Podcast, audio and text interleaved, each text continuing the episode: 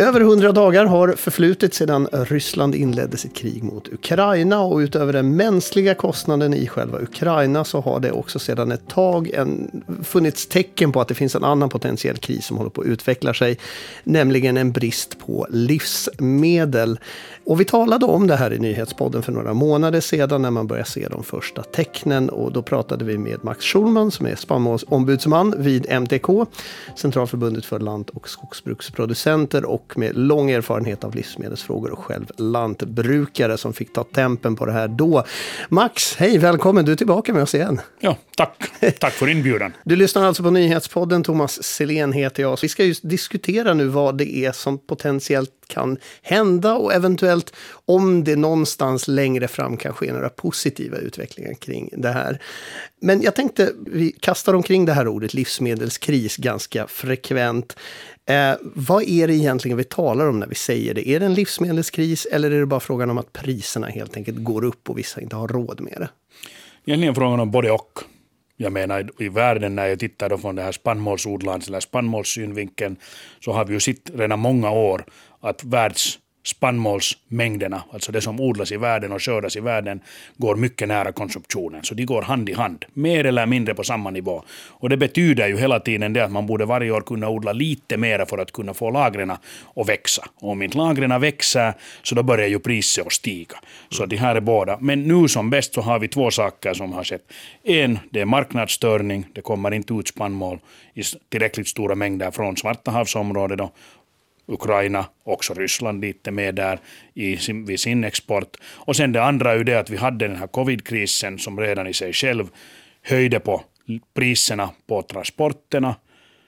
Det var det första, det blev problem där. Och sen det andra var ju förstås att det här kriget har ju också kört upp sen också i dagens läge energipriserna. Så vi har där, det är både priserna på spannmålet som är då sen levererat ut till länderna plus det att själva spannmåls priserna har också börjat stiga i sig själv på grund av att det finns mindre spannmål till förfogande ute på världsmarknaden. Så det är i princip en kris som egentligen har funnits, den har bara blivit ett steg värre? Den har egentligen funnits, den börjar egentligen redan, som man ser med priserna, börjar stiga redan under covid-tiden och kanske kulminera, kulminera här förra hösten när man fick med dit också en energikris när man då såg att bränslepriserna började stiga och produktiviteten på många håll helt enkelt började sjunka så sen fick du inte in livsmedelsprodukter transporterat tillräckligt snabbt och då började det uppkrisa till sig på livsmedelssidan. Och sen kom kriget och det gjorde ju sen den här sista niten i det hela att det blev sen ännu svårare att förutse priserna på spannmålet, mängden på spannmålet som kan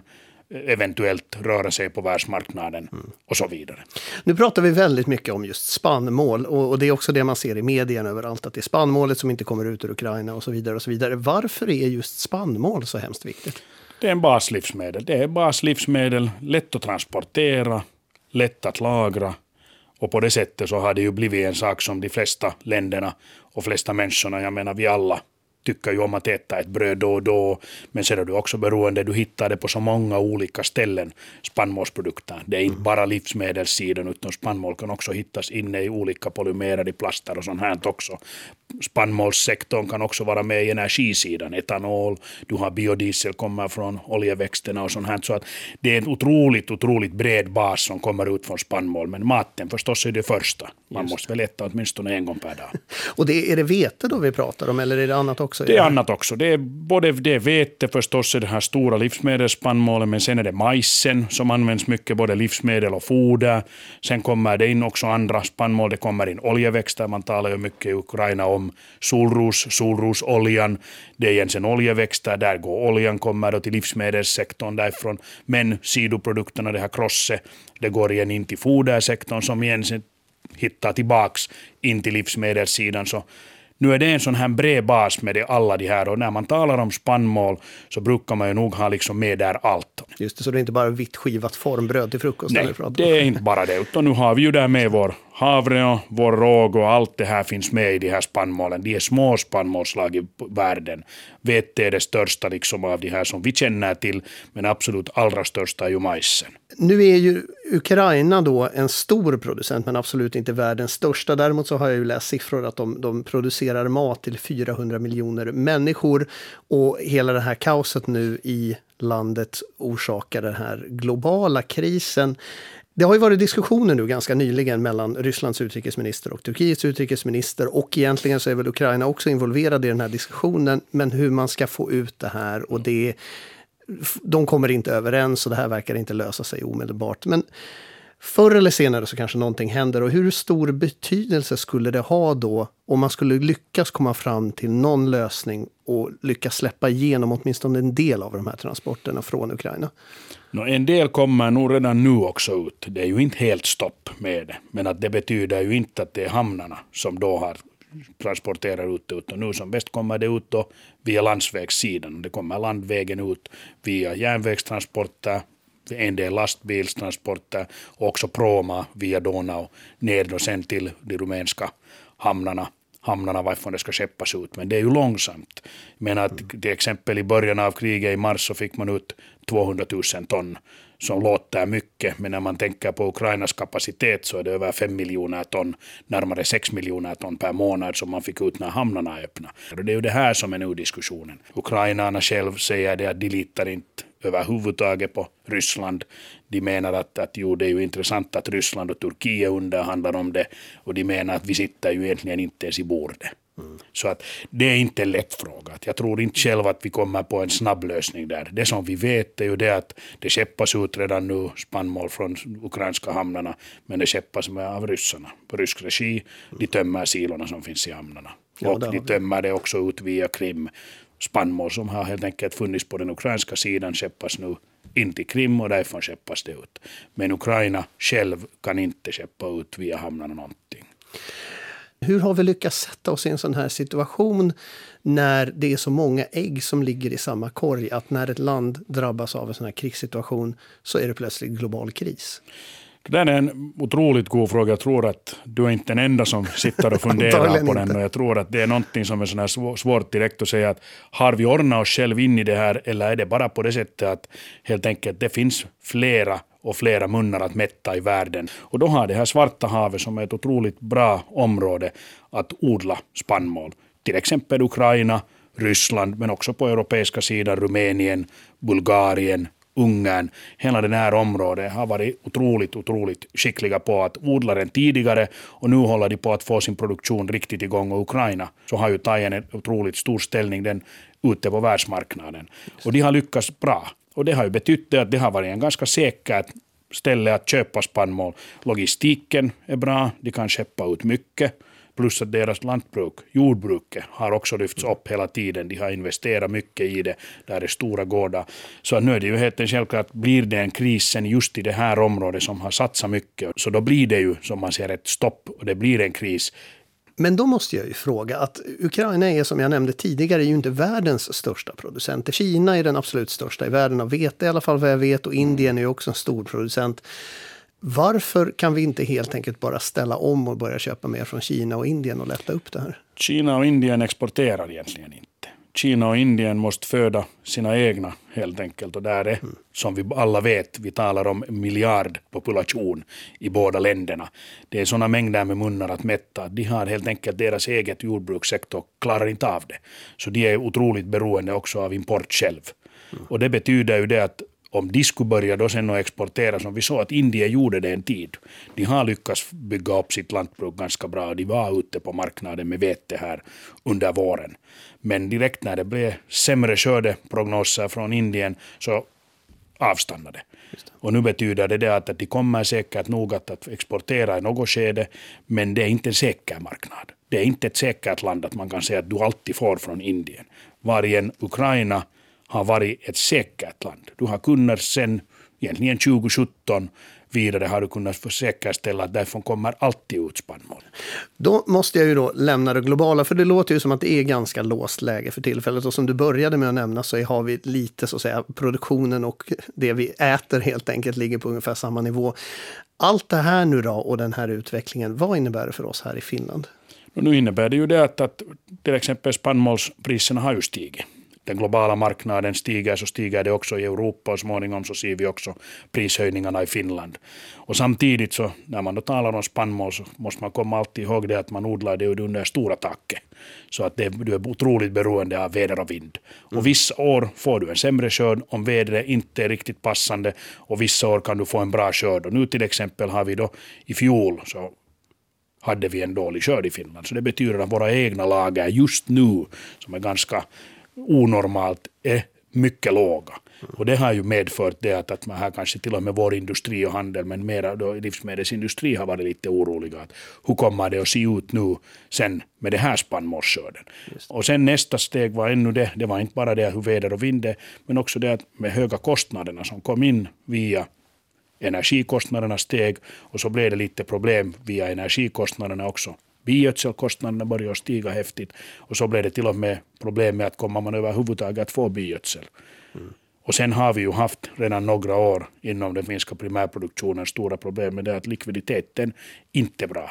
Ja. Vi har haft dåliga år och sånt. Att med vilka pengar ska man då sen köpa in alla de här förnödenheterna för att kunna odla i år och hur intensivt kommer man att odla. Så att nu går här vår egen livsmedelsindustri som man ser och följer mycket noga med nu situationen ute på åkrarna, hur mycket det sås, vad som sås och samma sak med vår handel också inom, inom spannmålssektorn. Så att nu, kommer, nu känns det här hos oss också, men att det känns inte på det sättet som om vi skulle liksom bli utan spannmål på grund av att Ukraina inte kan exportera. Vi använder inte ukrainskt spannmål mer än kanske till foder, lite mm. majs och sånt, så vi är inte beroende av själva livsmedelssektorn av ukrainskt vete.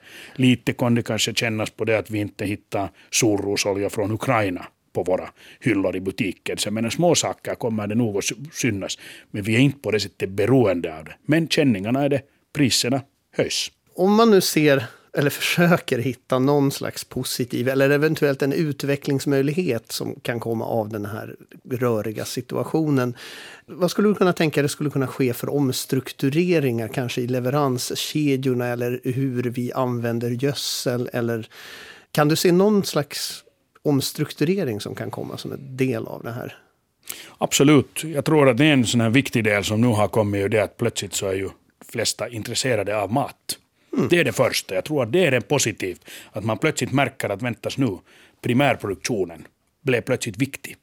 Och det är den första saken, att man liksom helt enkelt kommer in och börjar diskutera och titta hur ska vi helt enkelt klara av det?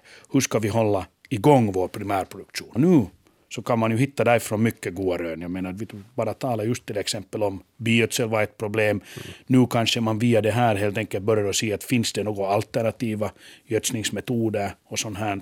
Där har vi ju till exempel biogasproduktion, varför du kommer in med rötslam och sånt här. Så plötsligt börjar man att söka de alternativen inom landet inne i Finland. Man ser här också att det är inte bara odlarna, utan det är nog hela kedjan egentligen som börjar småningom att röra sig mot det att man börjar hitta på nya system. Till exempel bara med att göra mera produktion mot kontrakt av nya typer av varor, kanske mera proteinväxter, mera oljeväxter och sånt här. Att man alltså proteinväxter är typ bönor och sådär? Va? Det är bönor, det är ärtor mm. som behövs här då både för foder och för livsmedelssidan och sånt här. Du nämnde kedjan här också, vilket är intressant, för det, det har jag lite fått intrycket av också, att en del bönder tycker att äntligen får de den mängden pengar de borde ha fått från första början för att de, deras produktion lite har gått på minus. Tror du också att en sån utveckling är möjlig, att man börjar se över vem som får betalt för vad i den här långa kedjan? Jag skulle hoppas det, för att jag tror att nu har man insett det att, att den här svagaste länken faktiskt ligger i primärproduktionen och så borde det inte vara fallet. Så vi hoppas förstås nu att innan kedjan så skulle det småningom börja helt enkelt en öppen diskussion om det att hur då eurona ska fördelas jämnt inom det för att vi måste också kunna utveckla den här primärproduktionen. Som du just sa, jag menar nya rön, det betyder oftast nya investeringar. Du ska lite ändra på sakerna och pengarna ska ju komma någonstans ifrån och de ska komma från marknaden. Jag måste ju fråga då, tror du att det samtidigt också innebär att det blir helt enkelt dyrare för oss som går i matbutiken att någonstans finansiera det här? Det blir det nog, men att det behöver inte bli så stora summor egentligen. För att jag menar, vi har ju också valmöjligheter där och kolla in på vad vi köper och hur vi köper och sånt här. Och om vi börjar att satsa på det i tid så att man inte behöver göra här omställningen som man ser över natten. Mm. Så då har du alltid en möjlighet att, att få in de där kostnaderna långsamt in i kedjan. Mm. Och det är ju förstås nog på det sättet att tyvärr är det så att de här kostnaderna går in i kedjan och i ena ändan sitter vi, primärproducenterna, och andra ändan sitter vi som konsumenter. Så att nu blir det en viss känning, kommer det nog säkert att bli.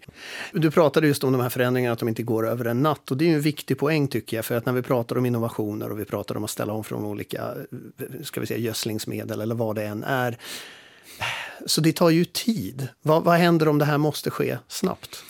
Ska vi säga på det att det här har ju, man har ju vetat att det ska bli en sån här omställning redan en längre tid. Vi ser ju politiska trycket. Vi ser liksom trycket utifrån. Europeiska unionen talar om förgröning. Vi har gröna givan. Vi talar om farm to fork. Och det kommer mycket sånt här in på både gott och ont. Och det har varit på gång sedan en längre tid. Och man har ju redan jobbat hela tiden som primärproduktion så försöker vi ju hela tiden följa vartåt det ska gå. Jag menar vi försöker ju också effektivera hela tiden. Så det är på gångs. Det kanske är bra i det här skedet att en kris brukar oftast, då, som man säger, sätta den i rörelse lite snabbare. Och då börjar man att pusha dem liksom igenom och köra det. Och jag tror att det håller på att hända just nu. Man ser att det har funnits under ytan goda nya idéer. Nu sätter man dem och förverkligar man dem småningom. Och jag skulle säga att det här är en sån här positiv sak som du försökte hämta fram just att nu börjar man att titta på vad kan vi göra innanför de finska gränserna. Hur ska vi kunna göra det här för att inte vara sen beroende av andra för mycket? Samtidigt så ska vi då se till att vi håller igång hela den här strukturen. Inte bara primärproduktionen som förstås är mycket viktig, den viktigaste länken i det hela, men också industrin. Vi behöver också en bra och stark egen livsmedelsindustri. Då Finland också skulle vara beroende bara på det att det exporteras spannmål och så importeras det färdiga produkter. Inte skulle det vara bra heller. Vi är ju en holme egentligen. Vad händer om det blir en kris att till exempel Östersjön skärs av eller ska vi säga Finska viken, där skärs det av. Och sen börjar vi att fundera att varifrån ska vi hämta våra varor. Så har vi 1300 kilometer gräns mot Ryssland.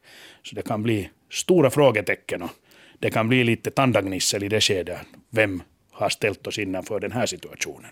Så att vi måste ha goda relationer utåt, det måste vi ha. Och Finland är ju bra på det inte kommer vi helt att kunna skära oss lös från omvärlden och det är inte meningen heller. Men vi kan minska på den risken att om någonting händer så är vi inte här och sitter och har ingenting, till exempel gödsel eller bränsle och så vidare. Max Schulman, spannmålsexpert. Alltså, tack så jättemycket för att du var med i Nyhetspodden igen. Tack. Producent var Ami Lassila. Tekniken stod Max Saloma för. Du har lyssnat på Nyhetspodden. Thomas Silén heter jag och fortsätt lyssna på oss även i framtiden.